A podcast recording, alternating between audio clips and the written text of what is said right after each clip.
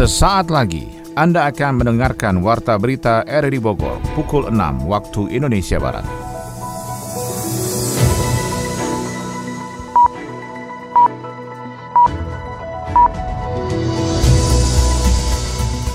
Selamat pagi dan salam jumpa. Warta Berita RRI Bogor kembali hadir untuk Anda di edisi siar hari ini. Anda bisa memantau siaran kami lewat audio streaming pada aplikasi RRI Play di smartphone Anda dan juga Anda bisa dengarkan melalui Radio Tegak Beriman yang turut menyiarkan siaran kami pagi ini. Berita utama hari ini adalah Menteri Keuangan Sri Mulyani Indrawati menyatakan pandemi COVID-19 telah menyebabkan ekonomi global mengalami kontraksi terburuk dalam 150 tahun terakhir. Dewan Koperasi Indonesia, Dekopinda Wilayah Jawa Barat akan membantu memasarkan produk-produk koperasi kota kabupaten dalam perdagangan antar pulau. Produk-produk yang dihasilkan oleh teman-teman di 27 kabupaten kota ini bisa kita dorong pemasarannya melalui perdagangan antar pulau. Bersama saya Maulana Estarto, inilah Warta Berita selengkapnya.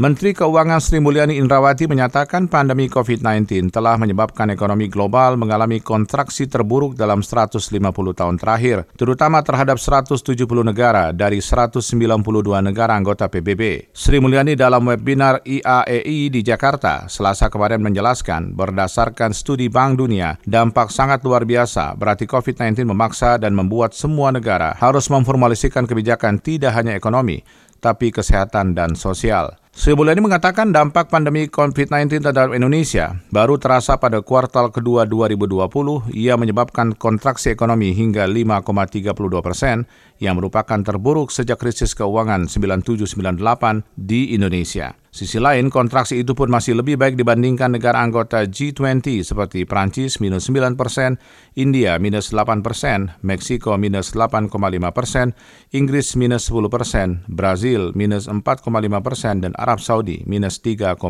persen. Dewan Koperasi Indonesia Dekopinda Wilayah Jawa Barat akan membantu memasarkan produk-produk koperasi kota kabupaten di Jawa Barat dalam perdagangan antar pulau. Kita ikuti laporan Muklis Abdillah. Sejumlah organisasi yang beranaung di pemerintahan maupun lembaga swasta sebagai rekanan pemerintah memasuki 2021 ini telah menggelar rapat kerja raker guna menyusun program kerja selama tahun yang tengah berjalan ini. Salah satunya Dewan Koperasi Indonesia Wilayah Dekopinwil Jawa Barat. Beberapa program kerja yang dihasilkan lewat Rakerwil Dekopinda Provinsi Tatar Sunda itu pun telah disusun dan mulai direalisasikan. Di antaranya Dekopinwil Jawa Barat itu siap membantu Dekopinwil di 27 kota kabupaten Tatar Sunda itu memasarkan produk-produk koperasi daerah setempat dalam perdagangan antar pulau. Hugo Siswaya, Ketua Bidang Organisasi dan Keanggotaan Dekopinwil Provinsi Jawa Barat. Salah satunya Bapak dan Ibu sekalian yang sekarang kita akan rancang ini adalah bagaimana Dekopinda-Dekopinda di kabupaten kota ini bisa menginventarisir produk-produk yang dihasilkan oleh koperasi. Produk-produk unggulan yang dihasilkan oleh koperasi untuk diikutsertakan di dalam perdagangan antar pulau. Ini yang ingin apa dalam tahun 2021 ini kita akan coba membantu produk-produk yang dihasilkan oleh teman-teman di 27 kabupaten kota ini bisa kita dorong pemasarannya melalui perdagangan antar pulau. Jadi itu dulu. Setelah itu nanti mungkin saja secara selektif kita juga akan bisa majukan masukkan lagi produk-produk yang memang terseleksi dan mempunyai pasar yang baik, kita juga akan dorong untuk ekspor. Hugo menambahkan tidak menutup kemungkinan produk-produk koperasi di kota kabupaten se-Jawa Barat yang memiliki prospek pasar yang bagus secara selektif akan didorong untuk ekspor. Sementara itu pada Raker Dekopinwil Jawa Barat beberapa waktu lalu, Wakil Ketua Umum Dekopin Pusat Ferry Yuliantono meminta pemerintah juga melibatkan Dekopin dalam mengatasi kondisi ekonomi yang memburuk akibat pandemi. Sebab koperasi dinilai memiliki peran sangat penting dalam kondisi saat ini. Ketika bisnis swasta drop dan anggaran pemerintah makin terbatas, seharusnya pemerintah tambahnya segera melibatkan gerakan koperasi untuk mengatasi situasi ekonomi pada era pandemi COVID-19. Tokoh agama dan lintas organisasi Kabupaten Bogor melakukan deklarasi menolak aksi terorisme dan radikalisme yang terjadi di Indonesia. Upaya itu dilakukan untuk menyatukan langkah, visi, dan misi menangkal radikalisme dan intoleransi yang berujung pada peristiwa di Makassar dan Mabespori. Laporan disampaikan Yofri Haryadi. Mengutuk keras aksi terorisme yang terjadi di Indonesia dan menyampaikan rasa duka yang mendalam bagi korban aksi teror tersebut. Bahwa aksi terorisme radikalisme dan intoleransi merupakan tindakan yang tidak dibenarkan oleh setiap agama dan melanggar ketentuan perundang-undangan. Itulah deklarasi sikap bersama tokoh agama dan lintas organisasi sekabupaten Bogor menolak aksi terorisme dan radikalisme yang terjadi di Indonesia. Pernyataan tersebut disampaikan Ketua PCNU Kabupaten Bogor Zaim Zaimuddin di hadapan Muspida dan jajarannya di Mako Polres Bogor Cibinong. Upaya tersebut dilakukan untuk menyatukan langkah visi dan misi menangkal radikalisme dan intoleransi dan berujung pada peristiwa di Makassar dan Mabes Polri. Pernyataan tersebut juga ditandai dengan penandatanganan lima butir kesepakatan kesepakatan dari para tokoh agama dari berbagai organisasi keagamaan, tidak hanya Islam, melainkan Kristen, Hindu, Buddha, dan Konghucu. Pada kesempatan tersebut, Kapolres Bogor AKBP Harun berharap pernyataan dari para tokoh agama dan alim ulama benar-benar diterapkan di masyarakat. Kapolres juga menginstruksikan kepada para Babin Kamtipmas untuk mengedukasi dan persuasif kepada masyarakat dalam menekan radikalisme, intoleransi yang berujung pada tindakan terorisme. Menyatukan pandangan para tokoh agama, para keagamaan, kita satukan langkah, satukan uh, visi, satukan tujuan. Kita tidak ada lagi intoleransi, radikalisme, dan terorisme. Ya, dan kita juga berharap kejadian-kejadian terorisme baik itu di entah di Makassar atau kemarin yang Mabes itu tidak terjadi di Bogor. Salah satunya yang penting tadi kita satukan langkah, kita satukan visi dan yang penting lagi ini hanya awalan saja. Awalan. Kita pengennya kita pengen di lapangan benar-benar wujud. Terwujud itu bagaimana mengekang adanya intoleransi, mengekang adanya radikalisme dan terorisme. Bupati Bogor Ade Yasin menambahkan MUI dan tokoh agama memiliki peran strategis dalam menangkal munculnya paham menyimpang dan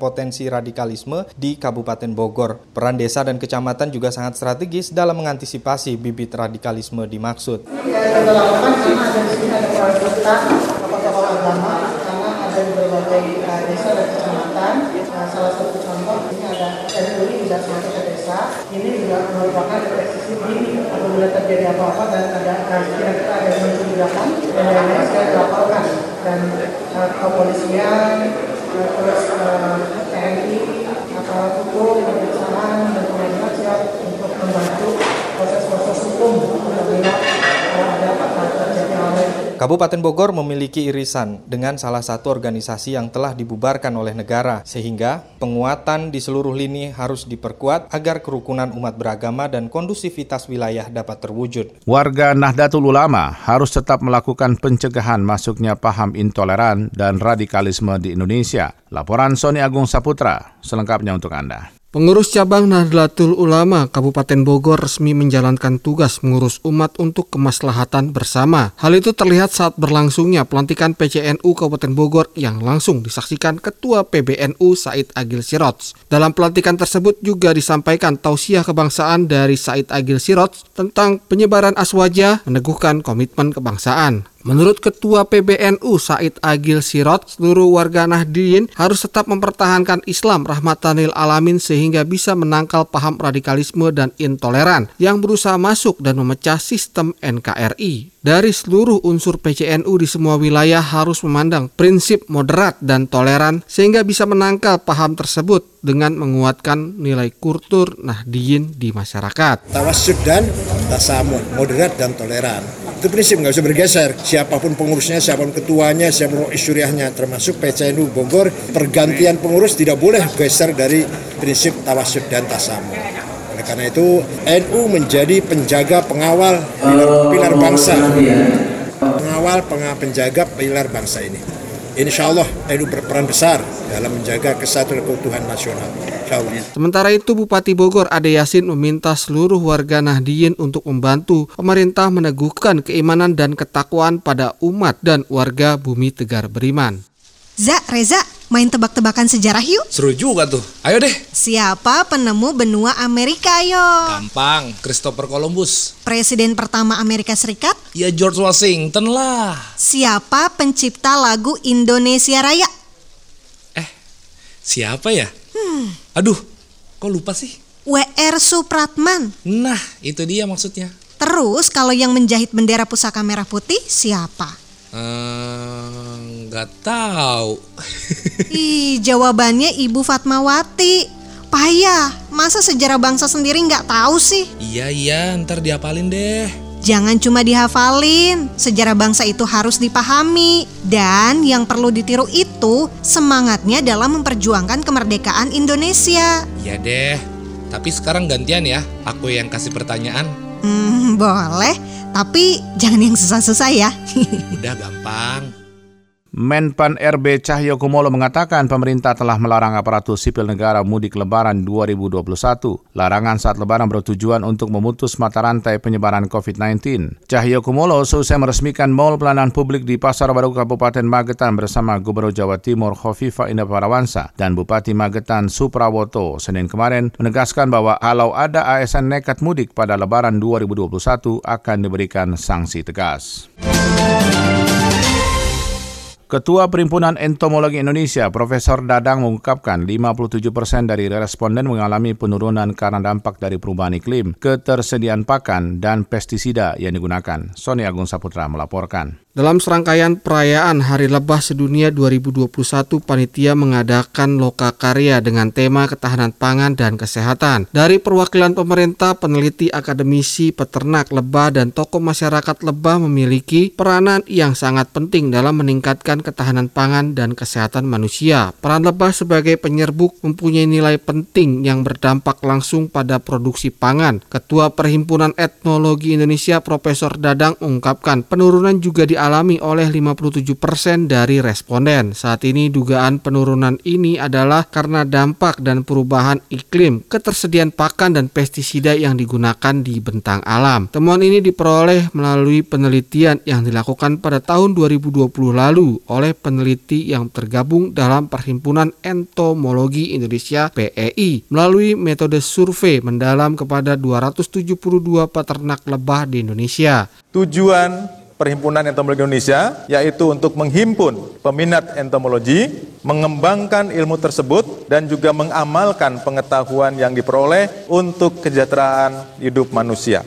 Oleh karena itu, PII akan terus mendukung kegiatan-kegiatan positif dalam rangka menjaga keanekaragaman serangga di Indonesia. Sementara itu, Guru Besar IPB Profesor Damayanti Bukhori menjelaskan penelitian tentang lebah berguna untuk menciptakan ketahanan pangan sehingga keberadaannya harus dipertahankan. Peneliti bisa membuat kajian untuk mempertahankan keanekaragaman serangga dalam ekosistem. Acara Bee and Pollination Awareness Day 2021 ini merupakan kegiatan yang sangat penting bagi peneliti, dosen, peternak lebah, rentah, dan seluruh elemen terkait kepeduliannya terhadap lebah dan polinator secara nasional. Lebah sebagai aset sumber daya hayati nasional Indonesia haruslah dijaga dan dikelola secara berkelanjutan karena dapat meningkatkan aspek kehidupan manusia pada bidang pangan, pertanian, lingkungan, sampai dengan kesehatan. Selanjutnya peneliti mengumpulkan berbagai spesies lebah di setiap lokasi untuk diidentifikasi dan dianalisis polen yang terdapat dalam tubuh lebah. Hal ini dilakukan untuk meneliti jenis-jenis tumbuhan yang didatangi lebah. Hal ini penting untuk memberikan informasi sumber mengenai jenis tanaman yang biasa dijadikan sebagai pakan oleh lebah. Dengan melakukan penelitian gabungan secara kualitatif dan kuantitatif, laporan Laporan ini mengumpulkan gambaran akurat mengenai pemeliharaan lebah di daerah tropis. Untuk pertama kalinya kita bisa mendapatkan perspektif dunia dari pandangan seekor lebah dan memusatkan perhatian dalam menemukan solusi atas masalah-masalah dihadapi. PMI Kota Bogor bergerak masif melakukan edukasi kepada anak-anak muda dalam pencegahan radikalisme. Berikut laporan Adi Fajar Nugraha. Penyebaran paham radikalisme saat ini memiliki potensi masuk dari berbagai ruang. Salah satunya ruang akademik yang menjadi sasaran dalam penyebaran paham tersebut. PMI Kota Bogor turut mengambil perannya dalam mencegah paham radikal masuk ke diri anak-anak muda. Ketua PMI Kota Bogor Muhammad Hamzah mengatakan, pemerintah tidak boleh lengah terhadap ancaman radikalisme yang dapat masuk melalui pintu mana pun, khususnya bagi kaum muda, pihaknya Tutur Hamzah akan bergerak masif untuk mengajak kaum muda mencegah dan menutup ruang paham radikalisme. Untuk mendapatkan informasi terkait paham radikalisme tentunya kita harus mengetahui medannya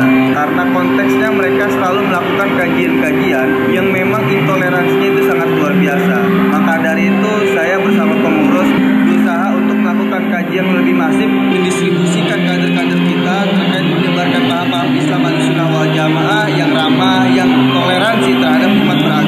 Hamzah menambahkan kaum muda harus lebih peka dan mendeteksi dini jika ada paham-paham yang dirasa sudah melenceng dari ajaran Islam sesungguhnya. Edukasi dan sosialisasi terus diperkuat baik secara langsung maupun di sosial media guna mencegah masuknya paham radikalisme di masyarakat khususnya di anak-anak muda. Masih bergantungnya Indonesia terhadap produk impor sejumlah komoditas pertanian menjadi sorotan bagi ekonomi. Selengkapnya kita ikuti laporan Adi Fajar Nugraha. Masih bergantungnya Indonesia terhadap impor sejumlah komoditas pertanian menjadi sorotan bagi ekonom. Pengamat ekonomi Dr. Syafi Antonio menjelaskan, langkah pemerintah melakukan impor komoditas pertanian dinilai kontradiktif dengan rencana pemerintah untuk memberdayakan masyarakat dalam rangka pemulihan ekonomi. Syafi yang juga Rektor Taskia Bogor menuturkan, pemerintah seharusnya berfokus pada pemenuhan kebutuhan hasil pertanian dalam negeri untuk meningkatkan kesejahteraan para petani Indonesia. Sektor-sektor ekonomi dan industri kan sekarang sudah mulai bergeliat lagi. Tetapi ini akan hancur jikalau misalnya pertanian, beras, itu dibenturkan dengan impor. Jadi impor beras itu di saat kita menggerakkan produksi pertanian dalam negeri itu sesuatu yang amat sangat salah. Dan ini bukan hanya sekarang, sebelumnya juga sudah pernah terjadi. Demikian juga sektor-sektor yang bisa swasembada itu harusnya kita maksimalkan betul. Di sektor lain, Indonesia juga dinilai masih ketergantungan atas produk jadi hasil impor. Safi mendorong pemerintah untuk menekan bahkan memberhentikan keran impor tersebut untuk digantikan dengan impor bahan pokok agar dapat diolah di dalam negeri. Kalau bisa yang nama impor itu di stop aja, yang boleh cuma impor bahan baku.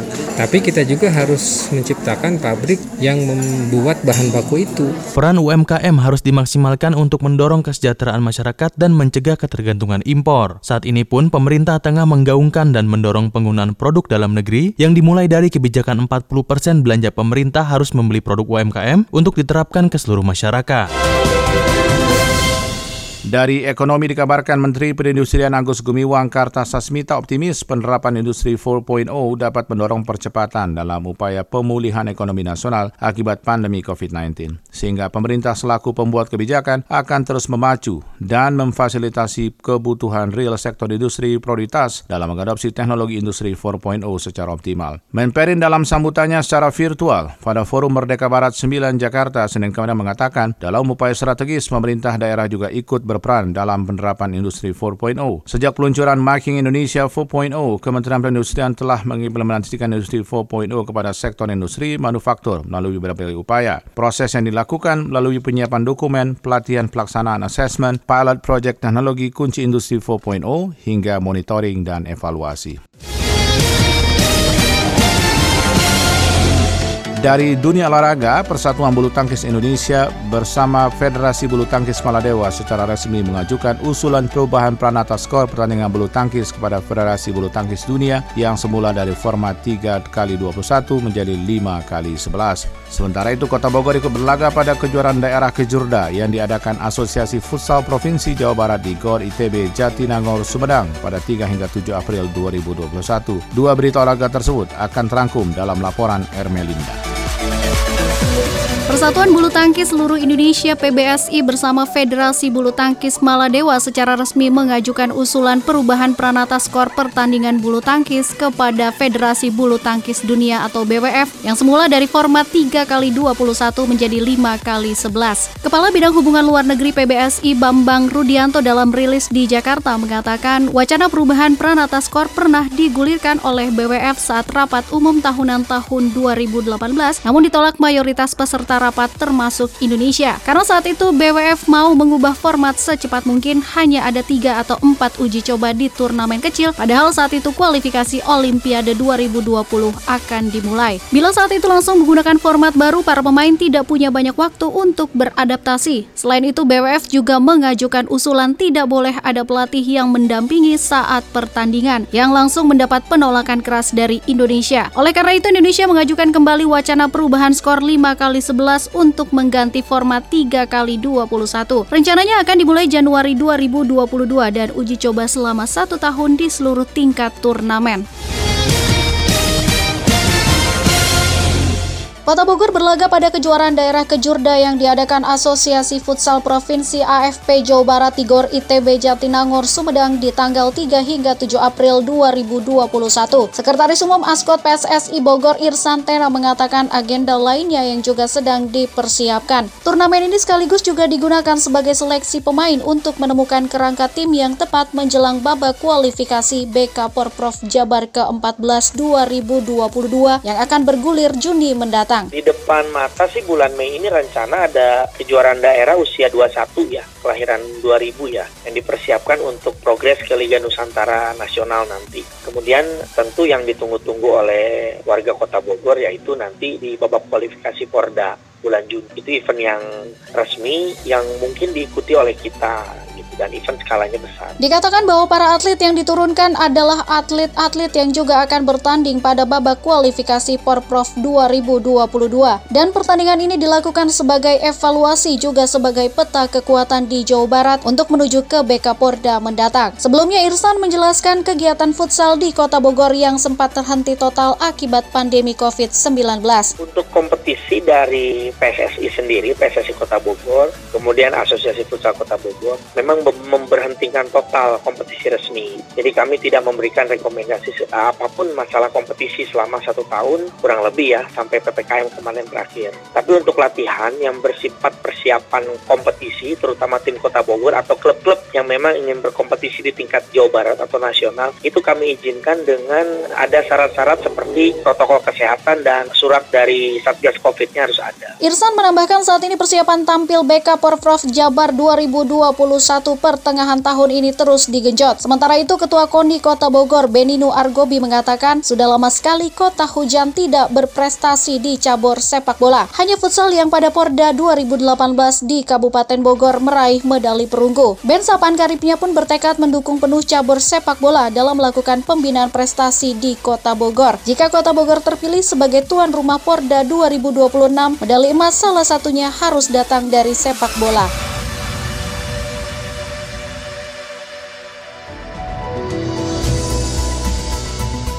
Demikian informasi yang dapat kami sampaikan dan berikut kami hadirkan informasi utama sebelum kami berpisah di edisi hari ini. Menkeu Sri Mulyani Indrawati menyatakan pandemi COVID-19 telah menyebabkan ekonomi global mengalami kontraksi terburuk dalam 150 tahun terakhir.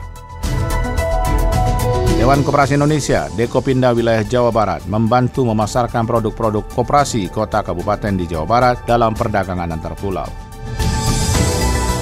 Saya Melani Sarto, mewakili kabar kerja bertugas mengucapkan terima kasih atas perhatian Anda. Sampai jumpa.